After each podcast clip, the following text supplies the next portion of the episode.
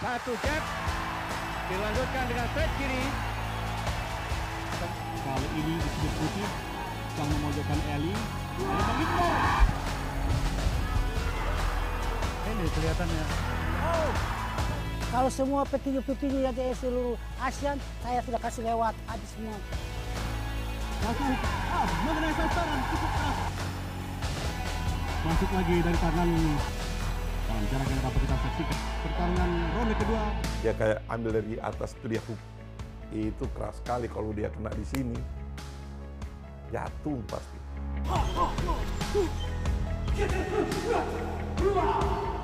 Dan emang benar-benar ini petinju benar-benar petinju alam. Benar petinju alam. Dan dia pemegang medali emas Presiden Cup.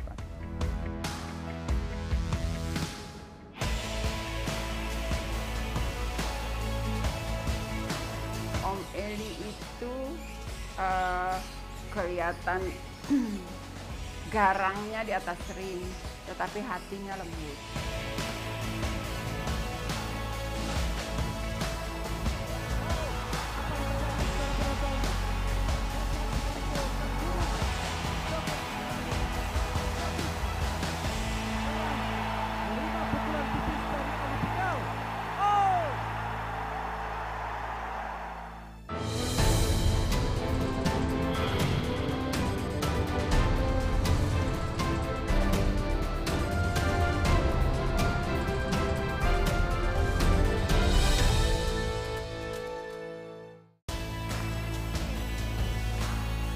Bagi saya, Elias Pikal adalah salah seorang petinju terhebat yang pernah dimiliki Indonesia. Satu hal yang tak pernah terlupa di ingatan saya yang saat itu masih duduk di bangku sekolah dasar adalah betapa kala itu Elias Pikal menjadi petinju idola dari seluruh rakyat Indonesia. Prestasinya merebut juara dunia tinju kelas super terbang IBF di tahun 1985 dengan mengalahkan petinju Korea Judo Chun, melambungkan nama Elias Pikal dan membuat nama Indonesia dikenal di dunia tinju internasional. Dan yang terpenting, sebagai petinju Indonesia pertama yang berhasil meraih gelar juara dunia, Elias Pikal saat itu juga menjadi inspirasi bagi jutaan anak-anak muda Indonesia.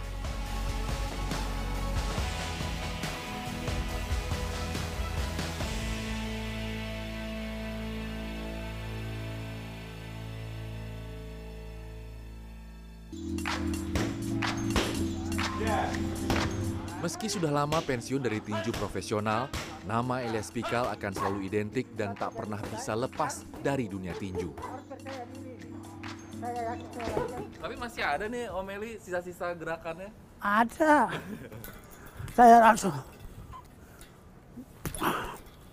Siap. Wah.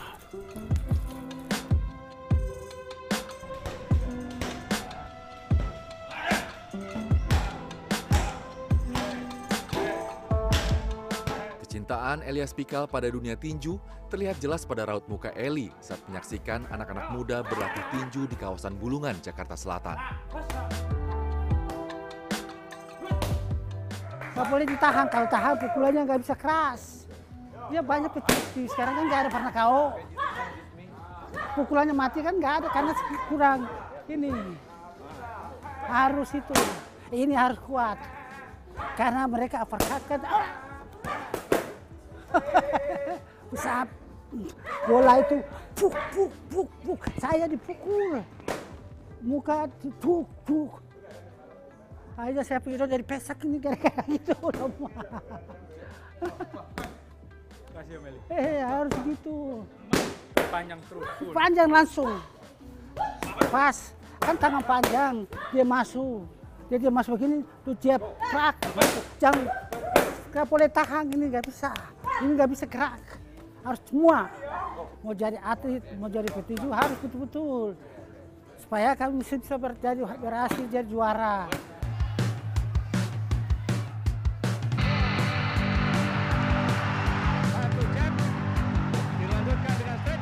Di masa jayanya, pukulan tangan kiri Elias Pikal memang menjadi momok bagi lawan-lawannya.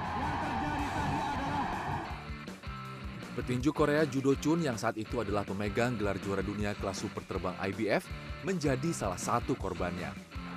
Pukulan keras tangan kiri Eli membuat Judo Chun tersungkur KO di ronde ke-8.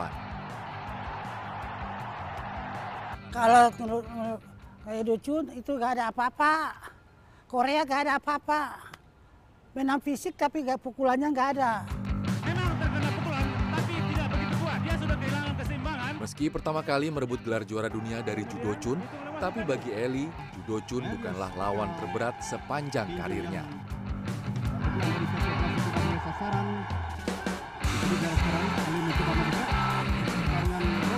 Berakhir.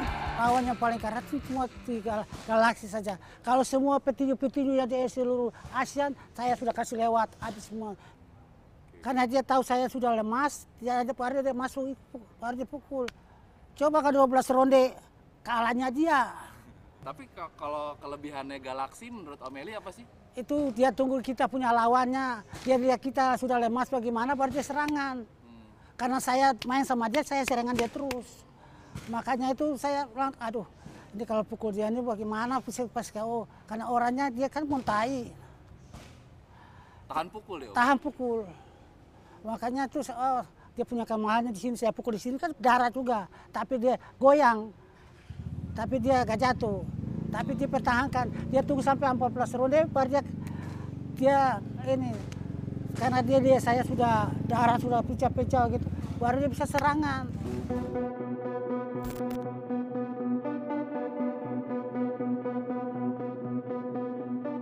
Dari 26 pertarungannya di atas ring tinju profesional, Eli menderita lima kekalahan. Dia mungkin masih menunggu. Selain saat melawan Galaxy, Eli juga sempat takluk dari petinju asal Republik Dominika, Cesar Polanco. Kegembiraan penonton yang Namun saat revans, Eli membayar lunas kekalahannya di pertandingan pertama. Oh, apa yang terjadi saudara penonton? Cesar Polanco terduduk. Tapi kalau dari segi kemampuan nih Om, Polanco gimana sih Om menurut Om? Kan kalau Galaxy tahan pukul. Ya. Kalau Polanco gimana menurut Om? Kalau Polanco tuh saya rasa gak ada apa-apa. Saya bilang tunggu, repas kembali saya main. Karena saya uppercut di sini, langsung saya hook shoot, langsung dia rasa sini sakit, dia langsung jatuh. Pukulan datang tiba-tiba dia gak tahu langsung ditepuk.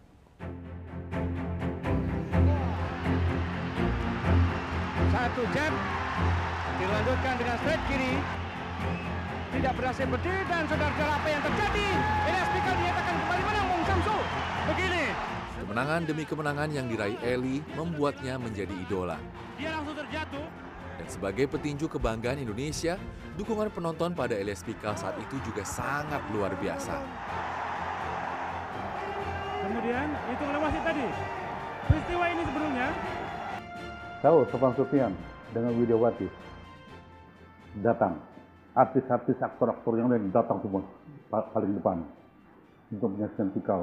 Kemudian Istora itu gegap gempita begitu disebutkan Elias Pikal semua berteriak Pikal, Pikal, Pikal sampai Elias Pikal naik ke atas ring. Begitu tank baru penonton menyaksikan bagaimana pertarungan tersebut. Ketika itulah stop mengatakan pikal-pikal. Tetapi ketika pikal memasukkan pukulannya gemuruh lagi, luar biasa gemuruhnya. Support untuk pikal itu harapan rakyat penonton untuk pikal itu besar sekali karena memang dia berkemampuan.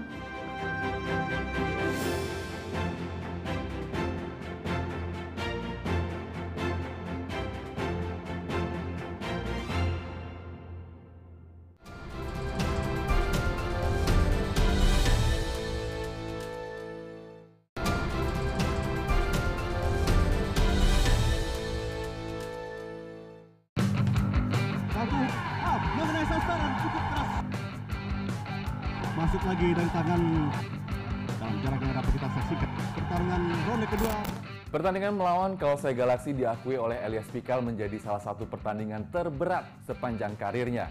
Dan ring tinju yang ada di Arseto Boxing Camp di kawasan Tanah Abang, Jakarta Pusat ini menjadi saksi bagaimana kerasnya latihan yang harus dijalani oleh Elias Pikal sebelum bertanding menghadapi Kaosai Galaxy.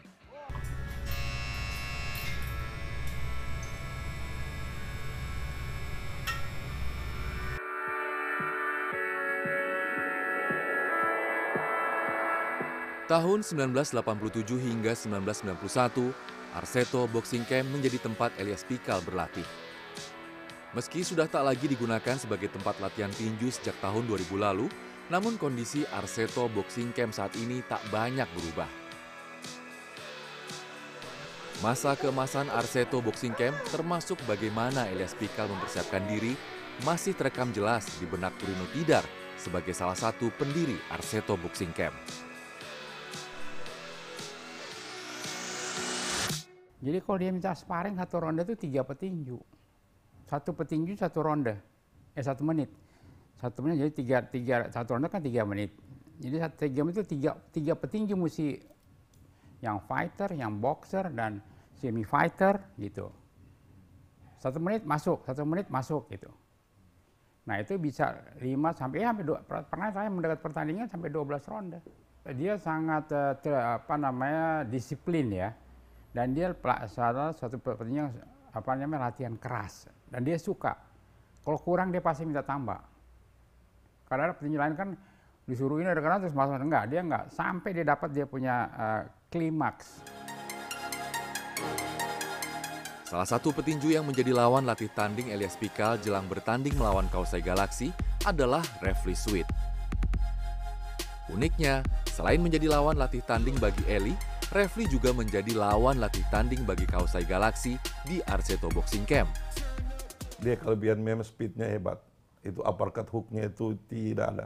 Dan untuk cross, dia cross tuh, pukulan cross tuh. Dia kayak ambil dari atas tuh dia hook. Itu keras sekali kalau dia kena di sini. Jatuh pasti. Daun uppercutnya. Uppercutnya bisa dua kali tiga kali. Tak tak tak. Itu hebatnya dia dan saya pernah sparring sparring pagi sama uh, Eli sore malam saya sparring sama Galaxy waktu kejuaraan mereka berdua karena mereka sama-sama cari kidal sekarang saya petinju kidal. Dari semua cuma saya dipilih. Kenangan yang sama juga masih diingat oleh Miss Yanto atau yang di atas sering lebih dikenal sebagai Little Holmes. Pria berusia 55 tahun yang kini menjadi pelatih di Sasana Tinju KPJ Bulungan ini juga sempat menjadi lawan latih tanding Eli di Sasana Garuda Jaya Pancoran. Memang berat, memang gua akuin dia punya pukulan tajam sekali. Itu dua ronde. Nah, seharusnya tiga ronde. Ya tapi kita udah merasa apa ya berat. Ya wah nggak bisa tahan ini. Nah, itu pun aku dari dua udah udah mau mau anu cuma gak enak aja kita gitu loh. Tapi kita paksa lari-lari aja aku. Nah, coba kena pukul, tapi tetap aja kena pukul juga gitu loh. Sasana Tinju Garuda Jaya di kawasan Pancoran adalah sasana pertama tempat Eli berlatih di Jakarta pada tahun 1981. Sayangnya, Sasana Garuda Jaya kini sudah tak lagi berbekas dan berubah menjadi perumahan. Tapi ini Sasana Garuda Jaya itu berarti luas ya Om, ya? gede ya Om ya? Luas. Sekarang sudah tidak ada lagi, jadi rumah sudah penuh, jadi gaya ada tempat atau sasananya di sebelah sini atau sebelah sana. Oh, emang dulu fasilitasnya ada apa aja om di Sasana Garuda Jaya ini? Masih masih pohon-pohon, hmm. masih rumah-rumah kuno-kuno, rumah kuno. Hmm. Nah, sekarang sudah dirubah jadi sudah kata sasananya sebelah mana lagi nih. orangnya yang tinggalnya sudah nggak tahu dia masih ada atau dia sudah pindah. Satu-satunya jejak yang tersisa dan masih diingat betul oleh Elias Pikal adalah lapangan yang terletak tak jauh dari Sasana Garuda Jaya. Tapi ini kondisinya udah berubah belum Om? Sudah belum, masih dulu masih biasa. Hmm. Sekarang sudah berubah, jadi saya nggak tahu ini Garuda Jaya sudah dirubah, lapangannya sudah dirubah. Berapa berapa berapa putaran tuh Om dulu Om? Oh, saya putar ini 10 putaran. 10 putaran. Ya, habis 10 putaran saya lari sprint. 100 meter. Oh, habis itu balik ke Sasana. Habis itu saya masuk ke sini dulu. Oh, masih di sini? Iya. Itu latihan fisik. Yang tadi itu latihan fisik. Habis itu saya mulai latihan skipping lagi. Skipping baru latihan seri box. Habis seri box baru saya di trail. Di trail, habis trail baru saya istirahat saya mulai main basket habis main basket saya balik kembali ke sana Oh, itu tiap hari tuh kayak gitu ya Om ya? tiap hari begitu karena saya kalau saya tidak latihan kayak begitu saya kayak bisa jadi juara ini disebut putih, Cang memojokkan Eli. Dasar bertinju Eli yang juga sempat bertarung dan menjadi juara di arena tinju amatir adalah modal berharga yang membuatnya menjadi petinju yang komplit. Elias Pikal adalah mantan petinju amatir, dia sukses di amatir walaupun tidak begitu cemerlang. Sehingga dasar-dasar bertinjunya cukup bagus. Di mana dalam bertinju ada dua unsur yang penting yaitu pintar menghindar dan pintar memukul. Nah, kepintaran Pikal memukul itu luar biasa. Kecepatan tangan kirinya itu bisa menerpa ketika lawan hendak memukul sekitar jengkal dari dari dari tangan lawan di depan kepala lawan. Nah, dia melepaskan pukulan. Itu bisa dia yang duluan, pukulannya yang duluan mengenai.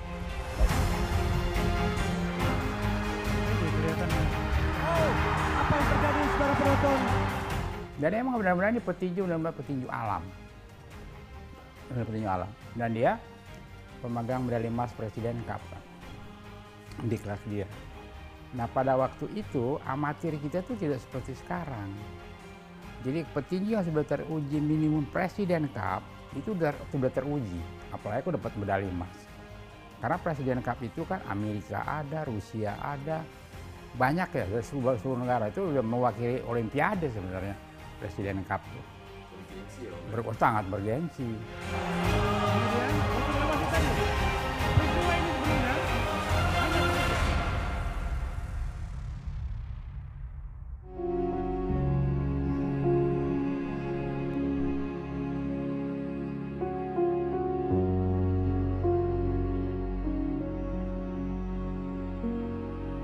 Habis lagi.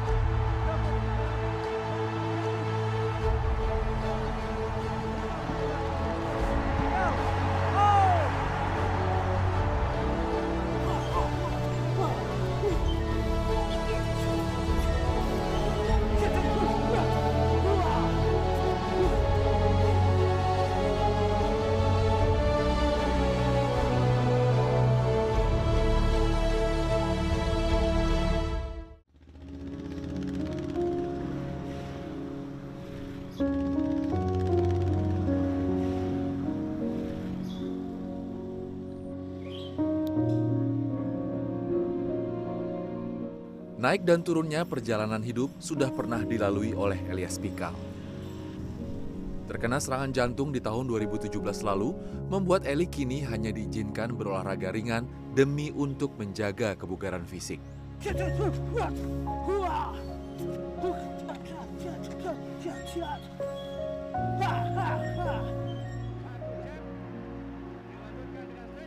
Namun, sisa-sisa kejayaan dan memorabilia tinju yang dimiliki Elias Pikal sebagai seorang mantan juara dunia masih tersimpan rapi di rumahnya di kawasan Kunciran, Tangerang Selatan. Bagi keluarganya, sosok Elias Pikal di rumah adalah sosok yang berbeda dengan sosok Elias Pikal di atas ring. Om Eli itu eh, kelihatan garangnya di atas ring, tetapi hatinya lembut. Hatinya lembut. Jadi di rumah saya lihat juga kok di dalam kehidupan hari-harinya dia eh, dengan ibunya, saudara-saudaranya, dia eh, selalu eh, baik hati, lembut, hatinya lembut, penyayang.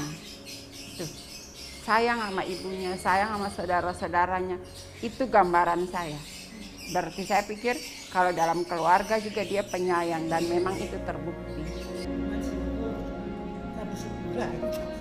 Marta Maria Siahaya atau yang akrab dipanggil Rina adalah seorang dokter gigi yang menjadi pendamping hidup Elias Pikal sejak tahun 1988 lalu. Dari pernikahan tersebut, Eli dan Rina telah dikaruniai dua orang anak, Lorin Lee Pisesar Junior Pikal dan Matthew Leoncio Junior Pikal. galak juga. Tapi kalau saya salah sedikit marah. Itu. Tapi ya senang. Saya sebagai orang suami ya begitulah kita dengar istri, istri dengar juga suami sama-sama. Istri tidak sayang, tidak diomelin, Ah. diomelin karena sayang. Sayang ya Gitu. betul. Tak hanya dalam suka, dalam duka pun Rina tetap setia mendampingi Eli. Termasuk saat di tahun 2005, Eli harus berurusan dengan polisi dan masuk bui terkait kasus narkoba. Saya melihat itu sebagai satu pertandingan juga. Ada saatnya kita menang, ada saatnya kita kalah gitu loh. Jadi up and down dalam hidup itu biasa. Nah, eh, yang tidak biasanya kalau orang menganggap itu sesuatu yang sangat membuat frustrasi. Kalau aku sih enggak. Hidup itu harus dijalani. Gitu. Hidup itu harus dijalani apa pun yang terjadi. Jangan waktu dia lagi jaya-jayanya kita deket, istilahnya ada uang, abang saya nggak ada uang malah ditinggal, oh enggak. Sebagai seorang istri, pengorbanan Rina untuk keluarganya memang luar biasa. Setelah Elias Pikal pensiun dari tinju, Rina lah yang menjadi tulang punggung keluarga.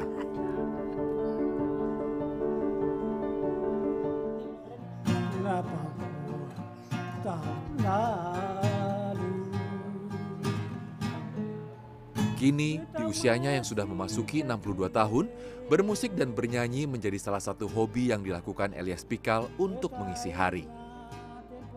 Masa kejayaan Elias Pikal memang sudah lewat. Tapi dengan sederet prestasi yang diraihnya, Elias Pikal masih dianggap sebagai salah satu petinju terhebat yang pernah dimiliki Indonesia.